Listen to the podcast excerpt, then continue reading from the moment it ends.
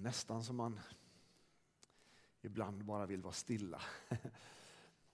Guds närvaro är underbar. När, när Guds ande får börja röra vid våra hjärtan så, så vill man inte störa det med en massa prat. Ni har säkert varit i sådana situationer när det är mycket känslor och det man upplever närvaron på något sätt. Och så börjar någon prata. Och så börjar någon prata om massa olika saker. Och så känner man bara, var tyst, var stilla nu. Låt oss bara sitta här och njuta. Eh, jag tror Guds närvaro är så viktig för oss i våra liv. Att den helige Ande får, att vi får smak på det Gud vill göra i våra liv. Eh, att vi får komma nära honom i en nära relation till honom. För det är ju så, livet med Gud är ju inte att följa en massa regler. Då hade vi inte behövt Kristus, då kunde vi hållit oss till lagen. Utan livet med Gud är en relation till Gud, där han har bjudit in oss i sin närvaro. Genom sin försoning på korset så får vi komma fram till Gud. Vi får leva nära Faderns hjärta. Vi får vara nära Gud.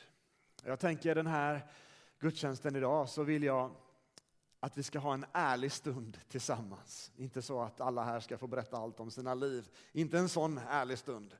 Det kan bli en stund som inte är passande. Utan en ärlig stund där vi låter Guds ord få säga det som jag tror ordet vill säga till oss. För det är ju så ibland när vi, när vi läser Bibeln, många saker som står i Bibeln, det är ju inte så lätt att ta till sig alla saker som finns i bibelord. En del saker är ju lite jobbiga för oss som människor. Gud han vill liksom inte bara ha våran yta, vårt yttre, våra beteenden, utan han är ute efter ditt hjärta. Gud är ute efter vårt inre. Våra tankar och vårt inre liv vill Gud ha i samklang med sitt hjärta. Och därför är Guds ord sånt att det knackar på våra liv. Det står i Bibeln, eh, Jeremia, att Guds ord är som en slägga. Och vad har man en slägga till? Ja, det är ju något annat än en liten finhammare som man har för att slå i små spikar eller nubb. Utan en slägga, det är ju det tunga artilleriet. En slägga är ju kraft. När vi inte har så mycket egen kraft så har släggan kraften, eller hur? Och Guds ord är som en slägga som krossar klipporna, står det. Eller som en eld. Och den liksom förtär ju det som, som är brännbart. Och jag tror att den här biten med Guds ordet kan ju vara lite obekväm. Om ett tilltal från Gud går på djupet i mitt liv så att jag inte kan värja mig. Jag kan liksom inte gömma mig för det, utan det träffar mig. Och jag känner att jag behöver omvända mig, jag behöver söka Gud, jag behöver lämna det här till Herren. Men den egenskapen på Guds ord är så viktig att vi inte duckar för och tar bort de sidorna och tänker att Nej, men det är, vi läser något annat istället som, som är lite lättare, lättare att smälta. Ibland behöver vi läsa de här sakerna i Bibeln som, som går på djupet och som knackar på de här rummen i våra liv som vi vet att Gud vill ju fylla vårt liv med sitt bästa men vi håller honom borta därifrån för det är lite jobbigt. En sån söndag ska vi ha idag. och yes, säger ni och går hem. Nej, men jag tror att vi behöver vara riktiga. Vi behöver vara autentiska i det vi håller på med som kyrka. Vi vill ju vara en gemenskap som är ärlig och som är hjärtlig, som inte låtsas vara kyrka, utan som på riktigt Lämna våra liv till Herren. Och som på riktigt säger, jag brottas med en hel del saker, men det här har Gud lärt mig och jag får liksom ta vara på det. Instagram-kristendom får vi lämna bakom oss. Även om det är kul att göra saker på sociala medier, jag gör det själv titt som tätt. Men där visar man ju ofta upp det bästa, eller hur? Men kyrkan är ingen Instagramvärld, utan kyrkan är livet. Vi som Guds barn, vi delar livet och det är kamp och det är sorg och det är glädje och det är seger och det är allt däremellan. För så är det att vara människa.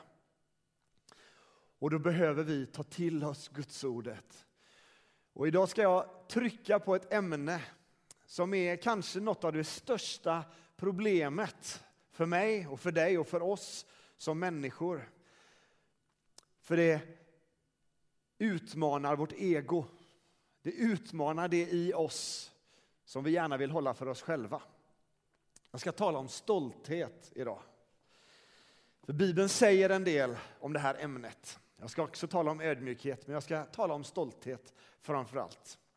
För det här är ett område som jag tror att vi behöver möta. Vi behöver ta de här tankarna på allvar som bibelordet ger oss och så ödmjuka oss inför Herren.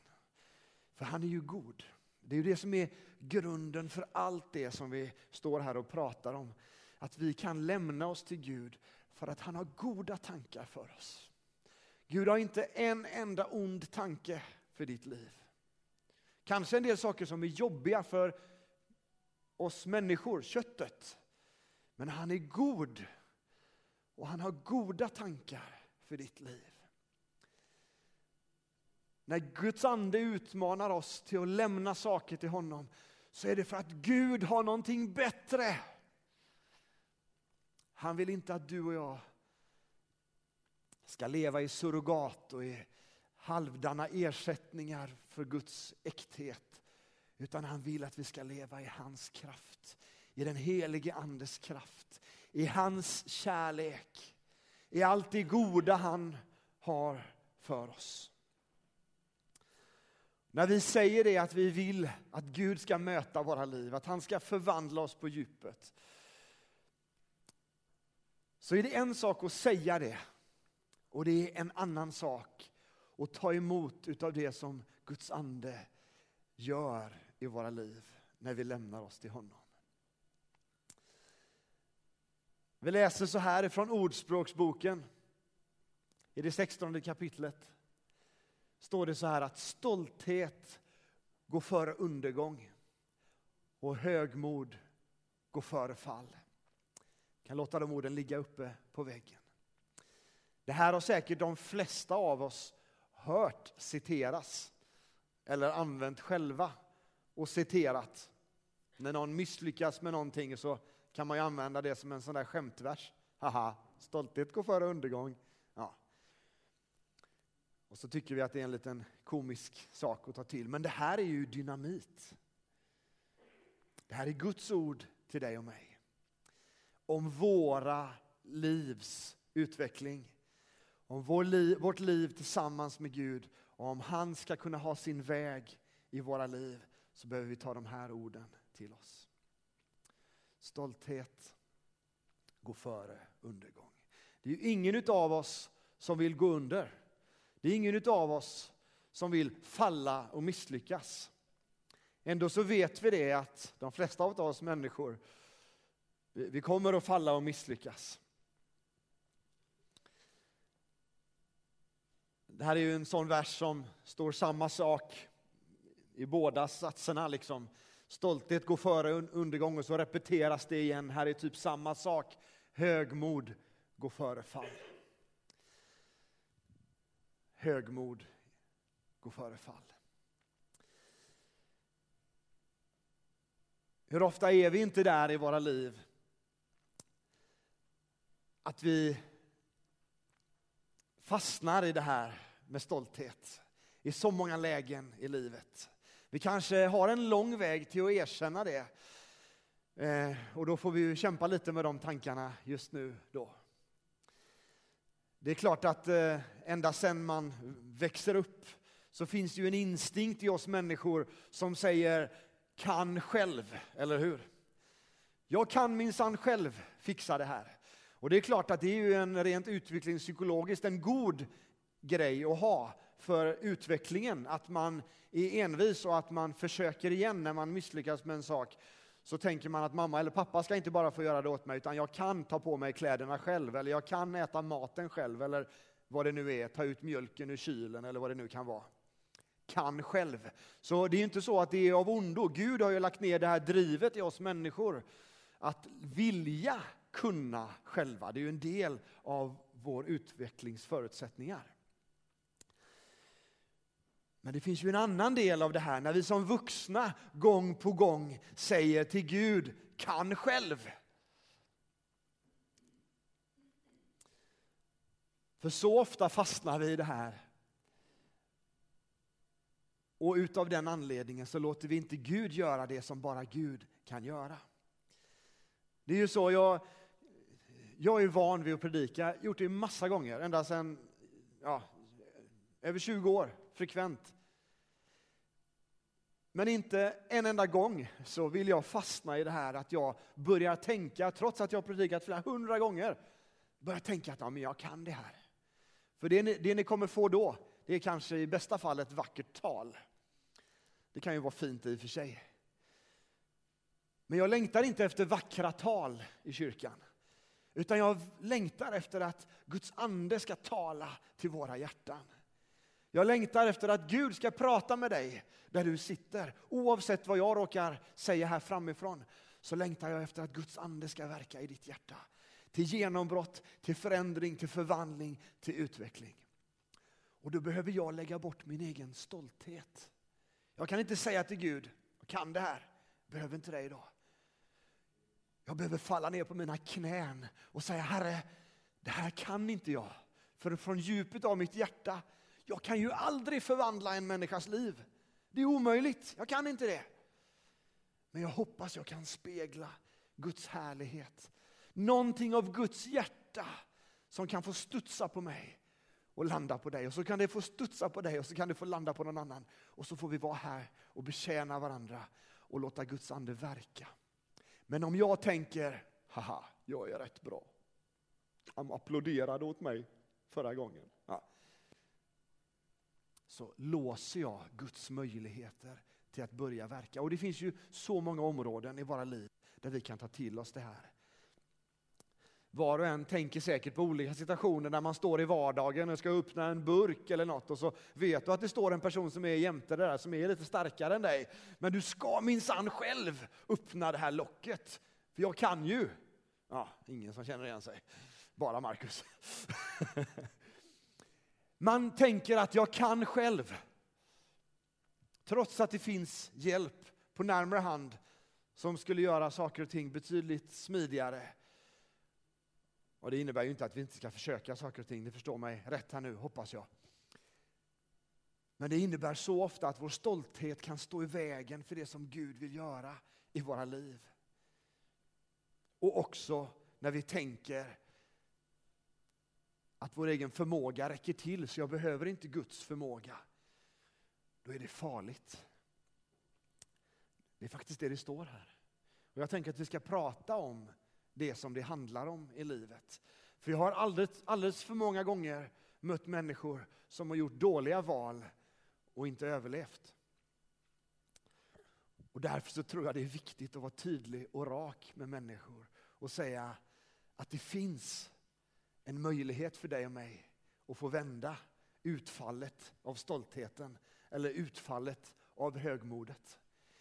Det finns en annan väg att gå som inte leder till undergång och som inte leder till fall.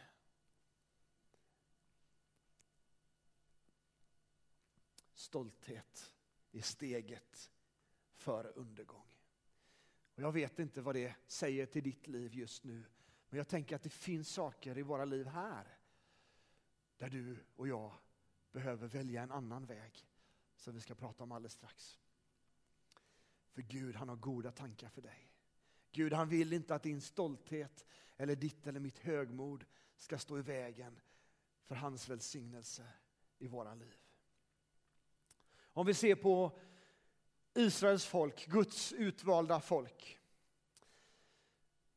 Gud han håller ju sitt ord och han utvalde ju Abraham och hans säd till att vara hans utvalda folk. Och ni vet en del av historien och till slut så hamnade de i fångenskap i Egypten och Gud ledde dem ut ur fångenskapen genom öknen mot det förlovade landet. Men vad är Guds folks stora problem?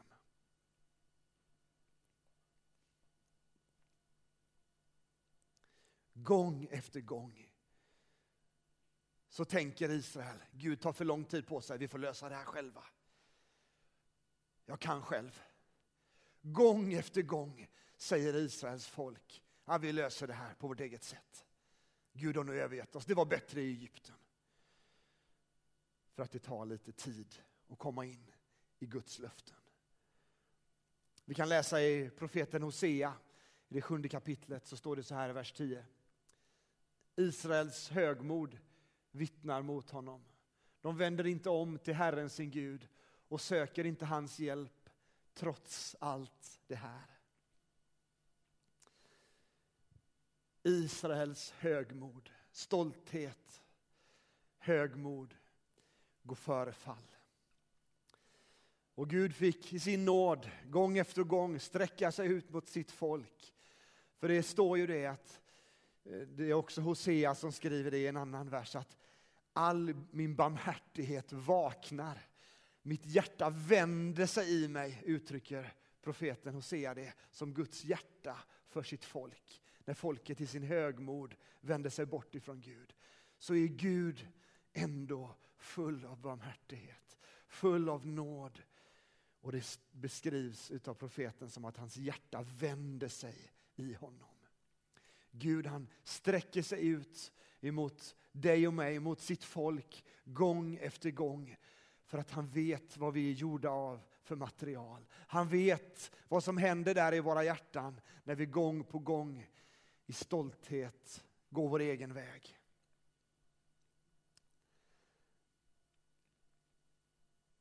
Psalm 18 uttrycker det så här.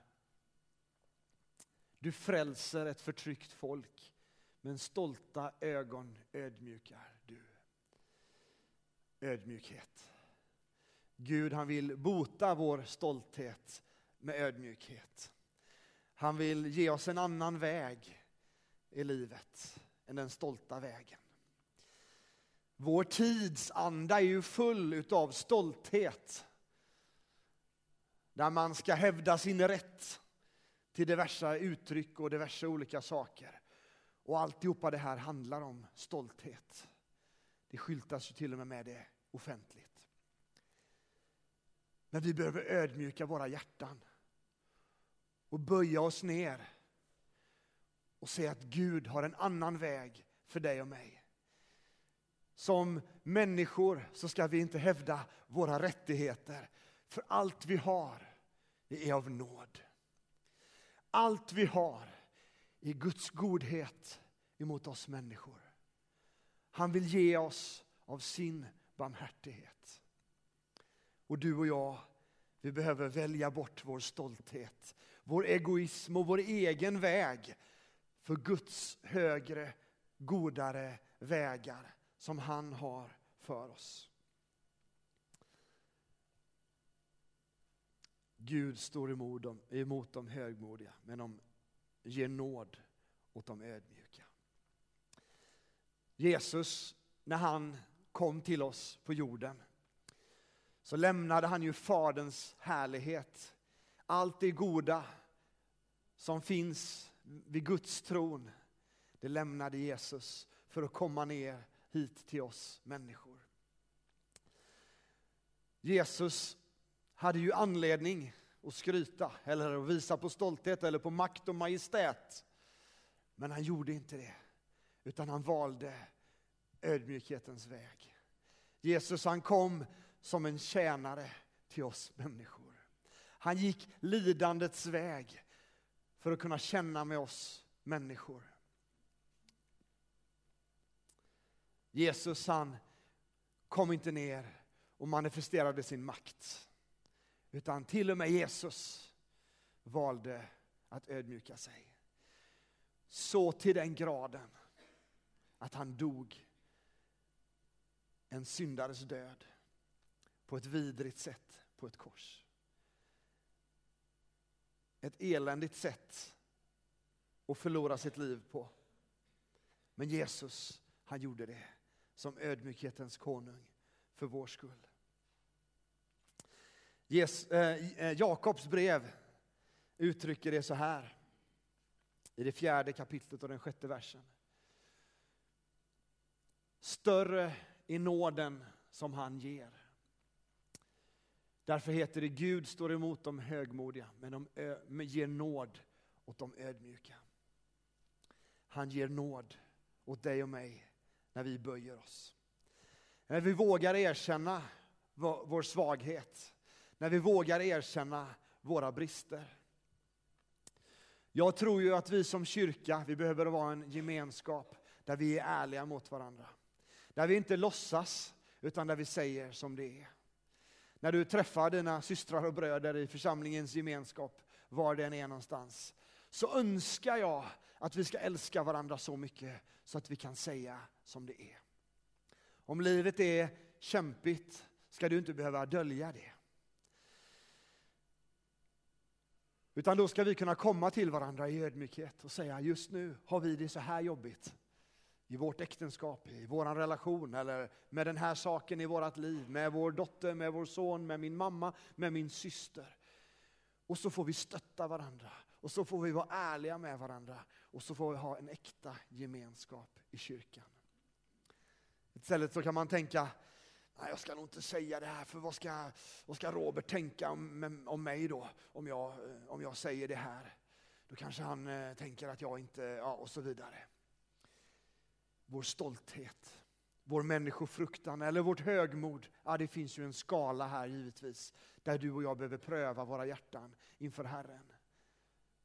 Men ju mer du och jag vågar lita på varandra och hitta någon vän i församlingen som vi känner, här kan jag vara öppen och ärlig och här kan jag säga som det är. Desto mer autentisk gemenskap kommer vi upp, upptäcka att vi får och desto mer kommer Guds ande också att bekänna sig till vår gemenskap som är på riktigt. Jag tror faktiskt att det är så allvarligt.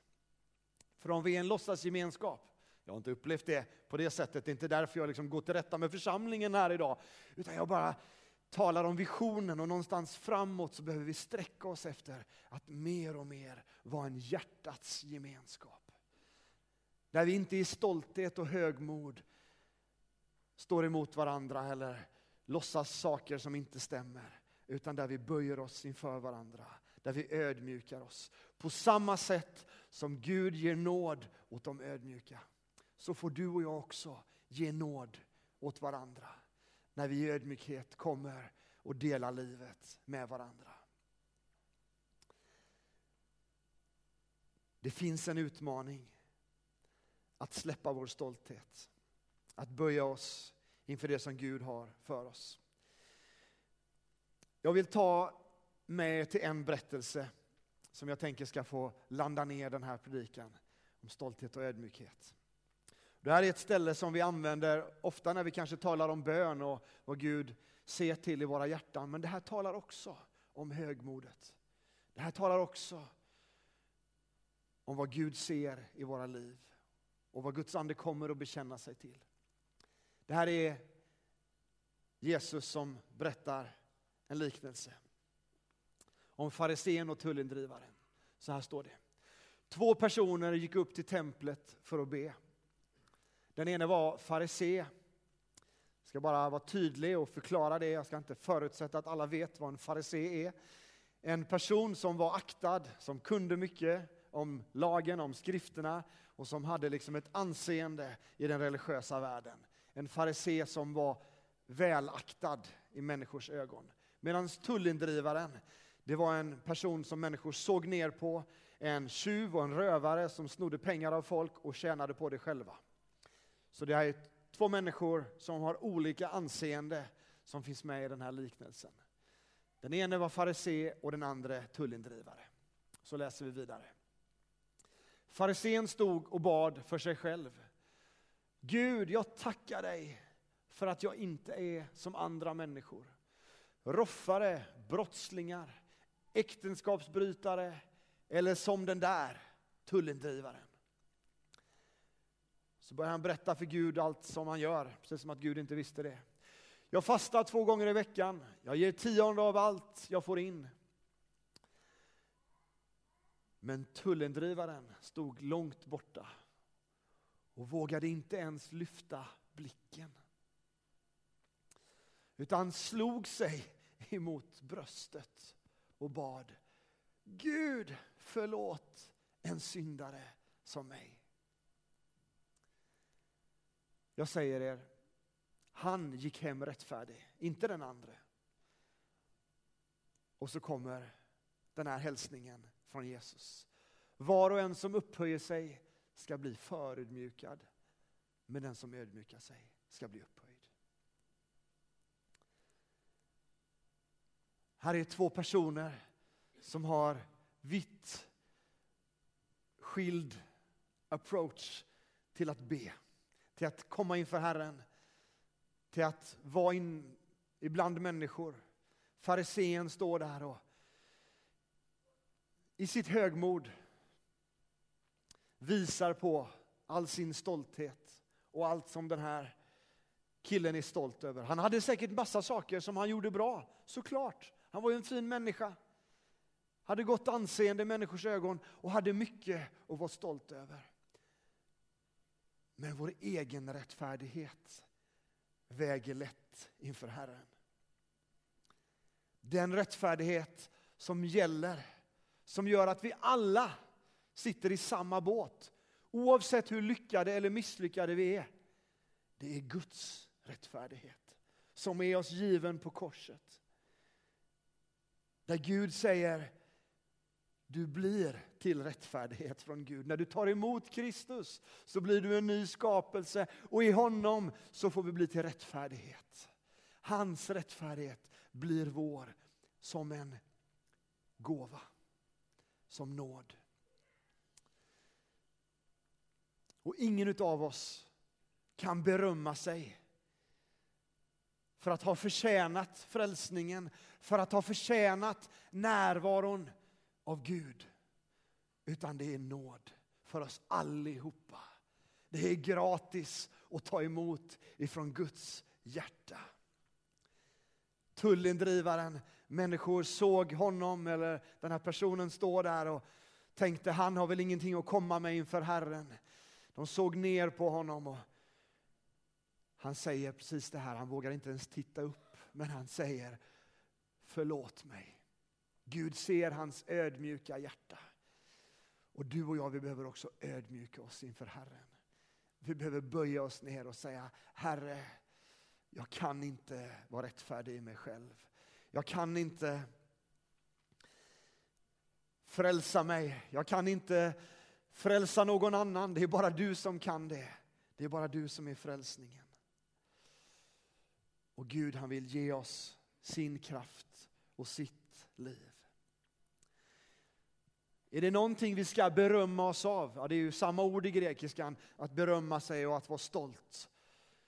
Så står det ju i ett par bibeltexter att vi får berömma oss av Jesu Kristi kors. Att den stolte får sin stolthet i Herren, inte i sig själv. Så du och jag som kristna, vi har ju jättemycket att vara stolta över. Och det handlar om Jesus och vad han har gjort för oss människor. Och hur han kan frälsa oss och förvandla våra liv. Hur han kan ge oss kraft att leva heliga liv. Inte för att vi själva har kraft till det, utan därför att Guds ande ger oss kraft att leva överlåtna liv till honom. Det är inte i vår egen rättfärdighet, det är i hans rättfärdighet. Du och jag, vi behöver inse allvaret i att vår stolthet kan bli vår död. För så allvarligt är det faktiskt. Att det kan stänga vägen till det som Gud vill göra i våra liv. Men Gud har en annan väg för dig och mig. Där vi får böja oss inför honom. Där vi får ödmjuka oss, kanske falla ner på våra knän och bara säga Herre, det är nåd alltsammans. Det är nåd att jag får ta emot av din, ditt liv. Jag försöker så gott jag kan givetvis, men det räcker ju inte till. Jag behöver din kraft ändå.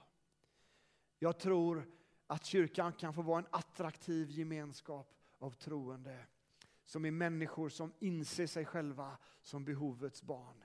Som ser sig själva som människor i behov utav Guds nåd. Vi ska inte gå runt och liksom säga att vi är värdelösa, vi kan ingenting. Det är inte något av det som jag menar just nu med att säga så här. För det finns massa gåvor här inne. Ni är så begåvade och vi ska använda Gud med våra gåvor. Men den stolte har sin stolthet i Herren. Den som berömmer sig kan få berömma sig av Kristi kors. För det är ju faktiskt så när Gud börjar jobba i våra liv. Så på område efter område i våra hjärtan så är det det som behöver lämnas till Herren. Det är vår stolthet. Och jag tror att det finns många här som kanske har någon sak i livet just där, där det är stoltheten som står i vägen. Och då behöver vi veta det att stolthet går före undergång. Högmod går före fall. Det är allvar. Det är inte så att det inte spelar någon roll att du har den där saken för dig själv eller vad det nu är i ditt liv som du känner att du i stolthet inte kan lämna till Herren. Gud vill ha hela ditt hjärta. Gud är inte ute efter dina fina beteenden och bara de vackra orden. Utan Gud är ute efter ditt hjärta. Det är det han går för. Guds ord är som en slägga. Ingen av oss kommer undan. För Gud är ju så god. Det är inte så att han slår ner oss till marken och liksom bara haha. Det finns inte i Guds hjärta. För han har goda tankar för dig och mig. Han vill resa oss upp. Han vill visa oss sin väg och han vill leda oss framåt på den vägen. Vi ska strax gå in i ett eh, nattvardsfirande. Och det är verkligen ett perfekt tillfälle att få lämna sin stolthet till Herren. Och få ta emot av gåvorna, Kristi kropp och Jesu blod. Och få säga, Herre, jag tar emot av det som du har gjort för mig. Jag vill berömma mig av ditt kors. Vi tänker idag att vi ska liksom väva ihop nattvardsstunden med, med förbön. Och vi har ju den här platsen här till höger som en förbönsplats. Och jag skulle bara längta efter att se den full idag. Där vi får be för varandra och betjäna varandra. För alla är vi människor i behov utav att lämna vår stolthet till Herren. Det här är ju lite av ett sådär kanske allvarligt ord, men på olika nivåer givetvis för oss i våra hjärtan. Men det vi ska veta är att Gud har så mycket av sin nåd som han vill ösa över våra liv. Och jag bara önskar att vi kunde böja oss inför Herren idag och säga Herre, jag vill ödmjuka mig inför dig. Jag vill ta emot av din nåd. Jag vill ta emot av ditt liv. Jag vill låta din kraft verka i mitt hjärta.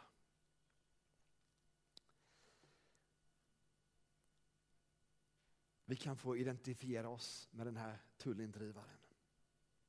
Ja, men jag är ganska bra, jag är inte så oansedd. Nej, men hjärtat i det hela.